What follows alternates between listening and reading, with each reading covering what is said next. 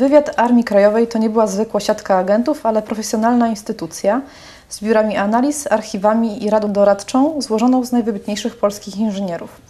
E, Tak o wywiadzie i kontrwywiadzie Armii Krajowej mówił dr Władysław Bułhak, nasz dzisiejszy gość, e, historyk z Instytutu Pamięci Narodowej, autor książki Wywiad i kontrwywiad Armii Krajowej.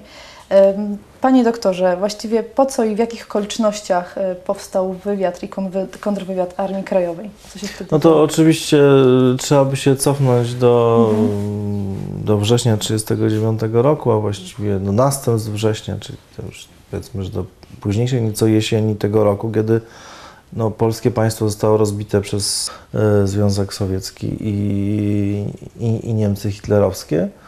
E, no, przestały istnieć wszystkie struktury państwa i łącznie e, też oczywiście e, struktury wywiadu, które funkcjonowały w okresie międzywojennym. Tak mówiąc w największym skrócie, w okresie międzywojennym e, wywiadem i kontrwywiadem zajmowało się przede wszystkim wojsko. Wywiadem, czyli zdobywaniem informacji o ościennych i innych krajach interesujących z punktu widzenia interesów Polski i kontrwywiadem, czyli ochroną przed analogicznymi działaniami państw trzecich. W konkretnym polskim przypadku to byli głównie e, oczywiście Niemcy i, i, i Sowieci, czy Rosjanie, jak to woli. No i właśnie, no i wiadomo, państwo polskie zostało e, napadnięte, zniszczone.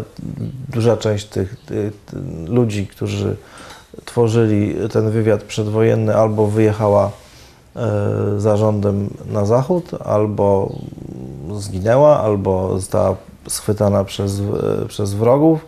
Krótko mówiąc, cała ta struktura została w dużej części rozbita. Niestety też w dużej części wpadły w, e, w ręce i sowieckie, i niemieckie w różnej proporcji e, dokumenty wywiadu przedwojennego, co zresztą było pewnym, pewnym jakby niekarygodnym niedopatrzeniem, bo jednak one powinny zostać zniszczone. No, sytuacja nie wyglądała za dobrze, tak? Trzeba było tą mm, działalność jakby budować od nowa. W, okupowanej Polsce powstały struktury y, podziemne, zaczęły powstawać struktury podziemnego, y, podziemnego wojska y, i też tradycyjnie one od samego początku uwzględniały, że powinny mieć ten wymiar wywiadowczy i też oczywiście ochrony kontrwywiadowczej własnych struktur, nie tylko samego wywiadu, ale w ogóle całej podziemnej organizacji. No i w ten sposób jakby powoli się narodziła, narodził wywiad e, Armii Krajowej, czyli po prostu struktura, e, która była w, częścią podziemnego wojska, wówczas Związku Walki Wyzbrojnej ZWZ. Można powiedzieć tak, że patrząc z perspektywy e, polskiej na zachodzie, te informacje, które zaczynały powoli, początkowo docierać z Polski, były bardzo cenne, ponieważ mm, zarówno Francuzi, jak, jak, i Brytyjczycy, czyli nasi ówczesni sojusznicy, mieli stosunkowo, no mieli oczywiście rozbudowany wywiad, już nie chcę wchodzić w szczegóły, że akurat tuż przed wojną Niemcy y, bardzo poważnie utrudnili działalność wywiadu brytyjskiego tak naprawdę i oni, Brytyjczycy mieli poczucie, że mają nie, nie, niepełną wiedzę o tym, co się, e, co się dzieje, zwłaszcza wojskowo. To nie chcę tutaj wchodzić w szczegóły tego, natomiast no, rzeczywiście to jest tak, że Polska już w tej chwili mm, nie była w stanie, w związku z tym, że była całkowicie okupowana, e, prowadzić taką, jak normalne państwo działalności zbrojnej, nie miała, miała oczywiście jakieś jednostki e, wojskowe, ale one nie były jakieś, to nie były wielkie armie, Natomiast mogła zaoferować działalność tą tajną, tak? I tutaj pewien potencjał miała pod tym względem. I to z różnych względów e, i z różnych jakby przyczyn, tak?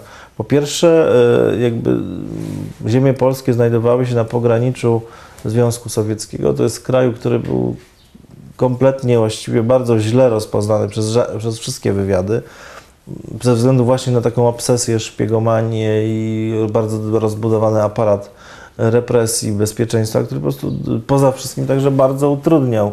E, Był głównie skierowany na represję nad własną ludnością, ale generalnie rzeczywiście utrudniał bardzo działalność e, jakichkolwiek e, wywiadów zagranicznych. Znaczy tutaj bardzo było ważne, że ktoś funkcjonuje na pograniczu tej strefy i jakby ziemie Polski znajdowały się na, zarówno po jednej, jak i po drugiej Tak. stronie ówczesnej linii e, demarkacyjnej pomiędzy obydwoma okupacjami.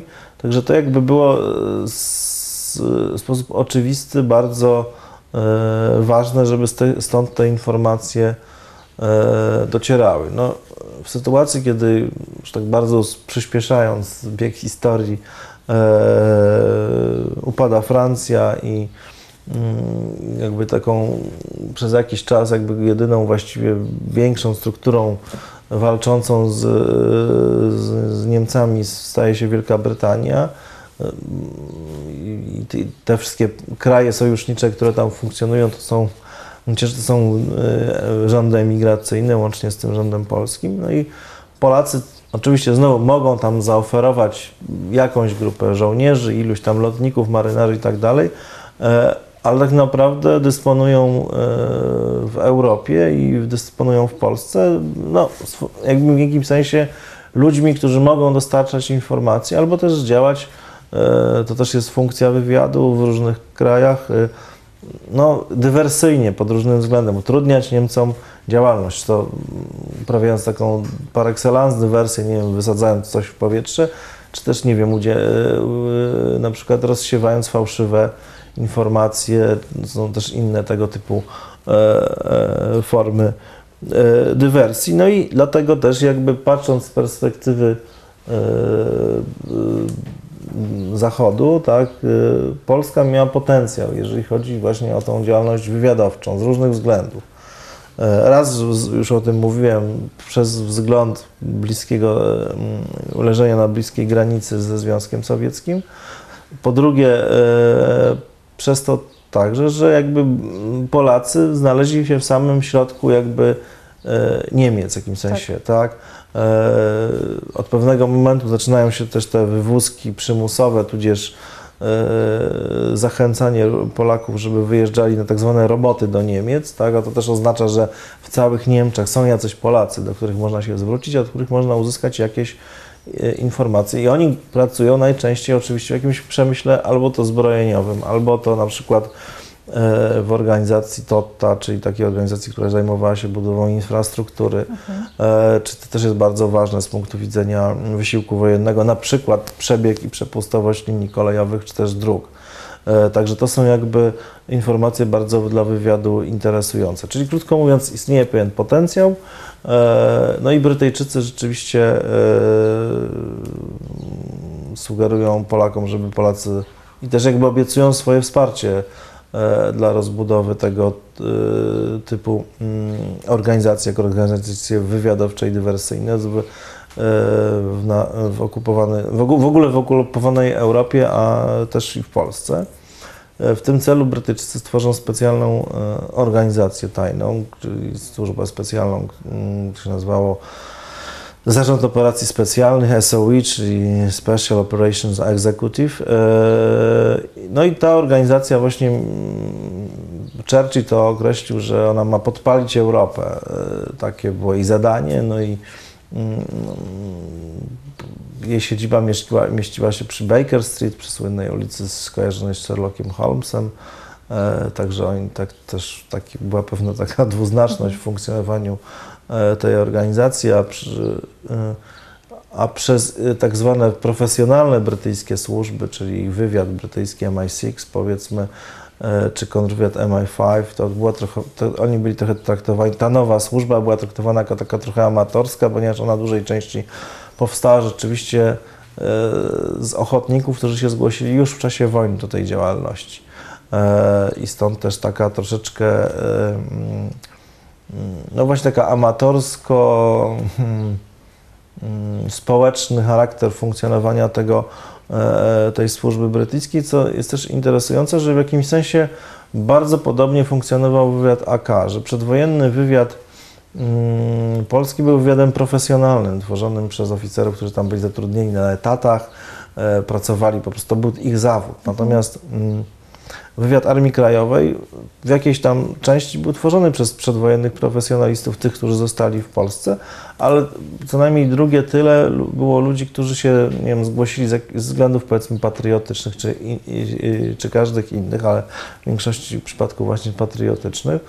E, czyli byli takimi e, wy- wywiadowcami, ochotnikami. byli Społecznikami. społecznikami tak? Robili to za darmo. E, Robili to za darmo, albo też za zwrot kosztów, albo też nawet jeżeli pracowali, to pierwotnie nie trafili tam w wyniku profesjonalnego przeszkolenia, Tak. ukończenia jakichś kursów wywiadowczych, tylko po prostu się uczyli w jakimś sensie tego wywiadu na własnych błędach, na swojej własnej działalności. Czyli krótko mówiąc, w jakimś sensie zarówno e, ta partnerska brytyjska instytucja, czyli SOI, była taką, takim wywiadem społeczno, mm, powiedzmy, amatorskim, tak samo Armia Krajowa w jakimś sensie miała zupełnie inny taki esprit de corps, jak to mówią Francuzi, taki duch, niż taki wywiad y, y, profesjonalny, zwykły, standardowy, niejako, który przypisuje sobie pewne tam umiejętności, powiedzmy, techniczne, ale z drugiej strony unika nadmiernego ryzyka, y, tak powiem, funkcjonuje w długiej perspektywie. Jakby to są zupełnie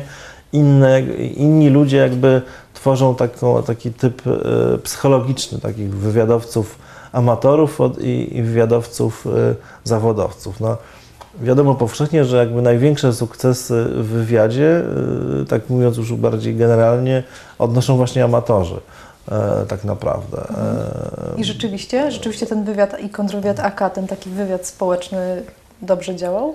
No chyba tak można powiedzieć, tak, bo mm, oczywiście to e, ciężko wszystko kłaść na jednej, Tak, na jednej szali, bo troszeczkę było tak, że mieliśmy wtedy dwa wywiady, tak, które były jakby bratnimi organizacjami, ale mm, e, i formalnie i, i, i jakby de facto się e, trochę różniły. Czyli mieliśmy nadal e, w Londynie w sztabie naczelnego wodza, czyli powiedzmy generała Sikorskiego, a potem generała Sosnkowskiego, e, mieliśmy oddział drugi, który zajmował się nadal wywiadem i działał, i on właśnie działał tymi, tam było bardzo dużo ludzi, którzy wyjechali po prostu z Polski i on działał tymi metodami przedwojennymi, zresztą działał właśnie mm, za granicami. On jakby z zasady nie funkcjonował w Polsce, tylko powiedzmy, że działał w Ameryce Północnej, w Ameryce Południowej, w Afryce Północnej, e, tam różne operacje e, we Francji.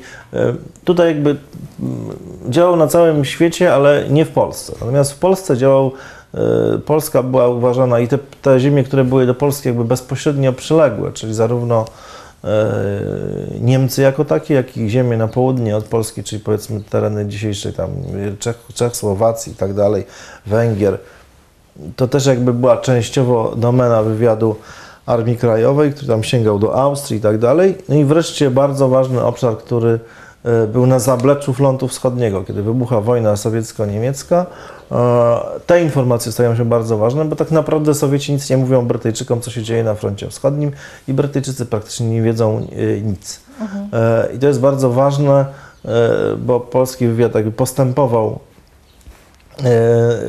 za niemieckim wojskiem i, jakby rozciął, rozciągnął taką całą sieć na tym zapleczu frontu wschodniego i dzięki temu e, Polacy raz, że wiedzieli jak to co tam Niemcy właściwie robią, e, gdzie zamierzają e, powiedzmy atakować, gdzie się bronić i tak dalej, to też wiedział mniej więcej jak ta sytuacja w ogóle wygląda na tym froncie. I to były bardzo cenne informacje dla samych Brytyjczyków, bo oni wiedzieli jak, musieli też wiedzieć co się dzieje na froncie wschodnim, a Rosjanie im o tym, za, bardzo ich o tym nie informowali, ani na pewno nie informowali ich dokładnie i, i, i precyzyjnie. Także to, to było bardzo ważne. W każdym bądź razie to był taki obszar, na którym działał wywiad Armii Krajowej. Czyli krótko mówiąc, dwa polskie wywiady podzieliły się pracą. Jeden pracował jakby na zachodzie i na całym pozostałym świecie, a, wy, a wywiad Armii Krajowej pracował na tym najtrudniejszym obszarze, czyli krótko mówiąc w samym okupowanym kraju, czyli w generalnym gubernatorstwie, e, tym takim rdzeniu okupacji, na ziemiach, które były wcielone do Rzeszy i, i w samej Rzeszy, e, na zapleczu frontu wschodniego. To już powiedziałem, odnosił on wielkie sukcesy, także dlatego, że mógł właściwie e, na, swoją, na swoje potrzeby miał całą właściwie siatkę Armii Krajowej jako takiej, tak?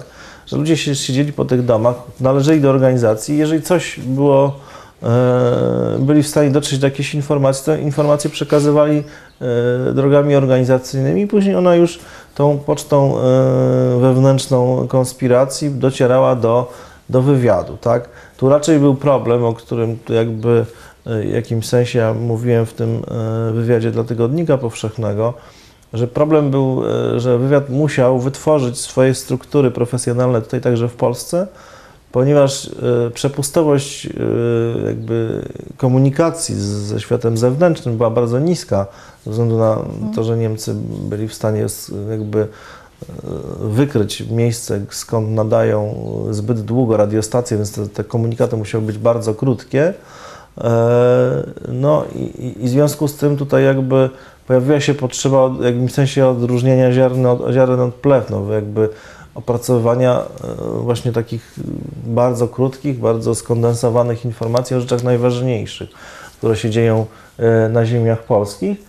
I do tego były potrzebne, był potrzebny nie tylko aparat pozyskujący informacje, czyli mówiąc językiem wywiadowczym agenci, e, informatorzy tacy czy inni, ale by- były potrzebne struktury, które są jakby rdzeniem każdego wywiadu, bo wywiad przede wszystkim zajmuje się przetwarzaniem informacji, tak? I, mm, i potrzebne były e, struktury, które te informacje zbiorą, ocenią, porównają, ewentualnie wykryją w niej, odrzucą jakieś, bo przecież też wywiad zastosował bardzo wiele różnych e, bałamutnych, nieścisłych e, informacji, także wynikających z tego, że jeżeli zatrudniamy niefachowców, no to oni się po prostu na wszystkim nie znają. Jakiś działacz armii, e, działacz podziemny, czy, czy, czy też żołnierz Armii Krajowej niekoniecznie musi się znać na tym, czy to jest czołg taki, czy to jest taki. To jest mniej więcej czołg, tak? Ale to już z punktu widzenia e, pla, planistów wojskowych e, to rozpoznanie jakiegoś konkretnego czołgu, czy oznakowanie jakiejś jednostki może oznaczać, że nie wiem, że Niemcy wzmacniają jakiś tam kierunek frontu i że te jednostki są akurat przerzucane, nie wiem, z Grecji powiedzmy. I to już z punktu widzenia jakiegoś planowania i jakiejś wie, bardziej skondensowanej wiedzy, którą posiadają takie e, struktury analityczno-informacyjne wywiadu, e, to to już jest istotne, tylko że trzeba te struktury mieć i one zostały w, w podziemiu jakby też zorganizowane jakby od zera. No, jakby e, no, najbardziej znanym takim przejawem funkcjonowania tych struktur to jest, to jest oczywiście znana sprawa e, e, dotarcia przez wywiad Armii Krajowej do informacji o niemieckich planach tych tak zwanych superbroni, czyli v, przede wszystkim e, tego V2, to były te rakiety, z których potem zresztą stworzono rakietę, która poleciała na Księżyc, ale to było dużo, dużo później, natomiast wówczas to było, służyło Niemcom do, e, do ostrzeliwania później Londynu, tak głównie i, e, i, i to była po prostu broń rakietowa, która była bardzo niebezpieczna i na, wówczas, na, na, którą wówczas nie było żadnego, e, żadnej metody, żadnej metody obrony. No, no i to właśnie polski wywiad, kon, konkretnie jedna z tych siatek Armii Krajowej dotarła do informacji pierwszych o, ty, o, o tych niemieckich pracach i staraniach prowadzonych w Peneminde e, i, i, później jakby e, też zdobył fragmenty tej, tych, tychże rakiet, które był w stanie przeanalizować, także e, i później jakby wybrać e, część e, tych, tych, tych, tych elementów e, rakiet V2, które zostały zapakowane do, mm, do jakichś pojemników i wywiezione samolotem, no, z tym samym, którym leciały niejaki Rettinger, o którym opowiadałem innym razem. Tak? Brytyjczycy też tradycyjnie bardzo interesowali się problematyką morską. Największym zagrożeniem dla Brytyj- funkcjonowania w ogóle Brytyjczyków wojennego była, było bezpieczeństwo ich linii komunikacyjnych ze Stanami Zjednoczonymi. To były statki po prostu, które Niemcy topili za pomocą okrętów podwodnych, a te okręty podwodne były szkolone u nas na, na Zatoce Gdańskiej, w, czyli na ziemiach polskich, tak? E, no po dziś dzień tam sterczy no, taka e, konstrukcja betonowa, która do tego służyła na środku tej Zatoki Puckiej, tak? Te informacje, jakie okręty Niemcy remontują w Gdyni, czy które tam właśnie wpłynęły albo wypłynęły, no to z punktu widzenia jakby no, no, no, no, no tej, tego brytyjskiego wywiadu morskiego, który dla tego y, państwa jednak morskiego właśnie był zawsze bardzo ważny i tutaj też te informacje były, były y, cenne i, i, i pożądane. A W tym roku obchodzimy 70. rocznicę wybuchu Powstania Warszawskiego i chciałam zapytać, y, w jaki sposób ten wywiad działał i cze, czemu się przysłużył w tym 44? Mm, tak naprawdę ciekawszym aspektem jakby genezy powstania to były informacje wywiadu e, i, sposób naświetlania sytuacji Polski przez e, kierownictwo wywiadu, które raczej było, e, było raczej właśnie, można powiedzieć, bardzo takie realistyczne i, i chłodne w, tym, w tej ocenie, tak?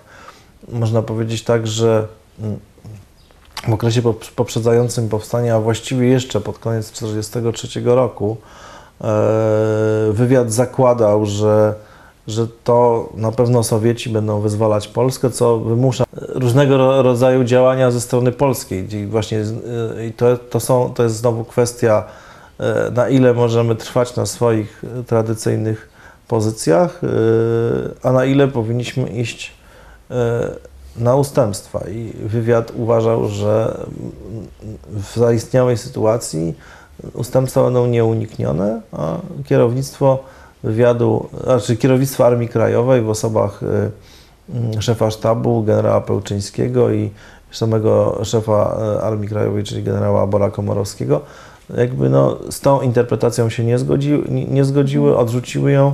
E, Doszło do, do, do bardzo ostrego sporu w kierownictwie Armii Krajowej, który się skończył próbą samobójczą szefa wywiadu, czyli pułkownika Mariana Drobika, który w związku z oskarżeniami, że te jego propozycje są zbyt dalekimi, propozycjami zbyt dalekich ustępstw w stosunku do Sowietów, on e, zażył cyjanek i, i, i, i trzeba było go ratować. To w ogóle była dramatyczna scena. Inny zwolennik tej mm, linii politycznej e, w kierownictwie Armii Krajowej, generał Stanisław Tatar, e, on został, e, znowu, on został znowu, był jednym z kolejnych osób, która została ewakuowana z Polski.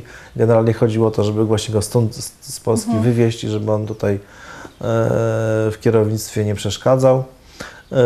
Także to jakby też były takie poprzedzające powstanie ważne decyzje, bo powstanie było jakby końcem pewnego procesu i jakby dobrze jest zrozumieć, że e, zarówno w kraju były takie osoby, takie jak pułkownik Drobik właśnie, e, które uważały, że lepszą opcją jest się dogadać z Rosjanami. Ja tutaj nie wnikam w to, czy to była, to była propozycja realna, czy nierealna. Taka była propozycja, e, e, która, którą Drobik przedstawiał. E, No, zasa- w skrócie zasadzie, że powinniśmy popełnić jakby zgodzić się na ustępstwa terytorialne za cenę zachowania niepodległości wewnętrznej. No, też no jakby nie mówię, na ile to była koncepcja realna, na ile to nie była koncepcja realna, ale to była właśnie koncepcja, którą w, w Polsce, e, no, której zwolennikiem w Polsce był właśnie szef wywiadu, czyli pułkownik Drobik, a na emigracji powiedzmy e, premier Stanisław Mikołajczyk. Także to są e, Tutaj była pewna grupa ludzi, która rozmawiała w, tej, w tych kategoriach. Jakby w jakimś sensie ludzie, którzy się z nimi nie zgadzali, uważali, że właśnie powinniśmy coś zrobić. No właśnie mm, czynem sprzeciwić się tej, e, temu, tym decyzjom, które zostały podjęte e, poza nami, czy to przez Wielką Trójkę, czy też po prostu przez Stalina. I, i stąd też jakby e, e, decyzja o wszczęciu walki w Warszawie. Też ważne było to, że to była próba jakby rozwiązania takiej kwadratury koła. Jak walczyć z Sowietami, nie walcząc z Sowietami, którzy są naszymi sojusz, sojusznikami na naszych sojuszników, tak? Że to jakby była dosyć skomplikowana sprawa. No i taką jakąś próbą rozstrzygnięcia tej kwadratury koła było właśnie powstanie warszawskie. A właściwie co się stało z tym wywiadem i kontrwywiadem po 1945 roku? Co się stało z tymi wszystkimi ludźmi, i z tymi społecznymi i niespołecznymi? Ludzie poszli w najrozmaitszych e, Kierunkach. kierunkach oczywiście. E, no, część z nich starała się włączyć w normalne życie, część wyjechała na zachód, uważając, że e, w kraju, że tak powiem, zajętym przez komunistów, mm, no i tak naprawdę też pozostającym w, władzy wrogiego państwa nie będą mieli czego szukać. No i delikatnie mówiąc się nie mylili ci, co mieli obawy, bo rzeczywiście mm, perspektywy e, państwa komunistycznego to oni stanowili wszyscy zagrożenie, tak? Z zasady byli e, represjonowani w tej czy innej formie, tak? Co najmniej byli e, inwigilowani, także ciągle bez przerwy kontrolowano ich e, działalność, ale de facto większość z nich, tych, którzy znaj, e, znajdowali się jakby na terenie Polski, tak, e, jeżeli wpadła w ręce, e, no to po prostu lądowała z automatu niejako w, w więzieniu na dłuższy czy krótszy okres. Dla części to się skończyło śmiercią po prostu Tak. w komunistycznym e, więzieniu. Oczywiście, no, rzeczywiście było też tak, że polski wywiad nie przestał działać, ten zachodni, działający na zachodzie w roku 1944-1945. On działał nadal y, wspierany przez Brytyjczyków, to jak można się spierać, na ile to były struktury właściwie wywiadu brytyjskiego, czy też później amerykańskiego, e, a na ile to, są, to były nadal struktury, które jakoś tam były częścią polskiego rządu na uchodźstwie. E, No tutaj no, powstają na ten temat nowe prace i to są, jest tego sprawa stosunkowo mało znana i jeszcze nie przebadana tak, naprawdę na, tak, także z braku dokumentów przez, przez historyków, chociaż jakieś tam materiały na ten temat się zachowały.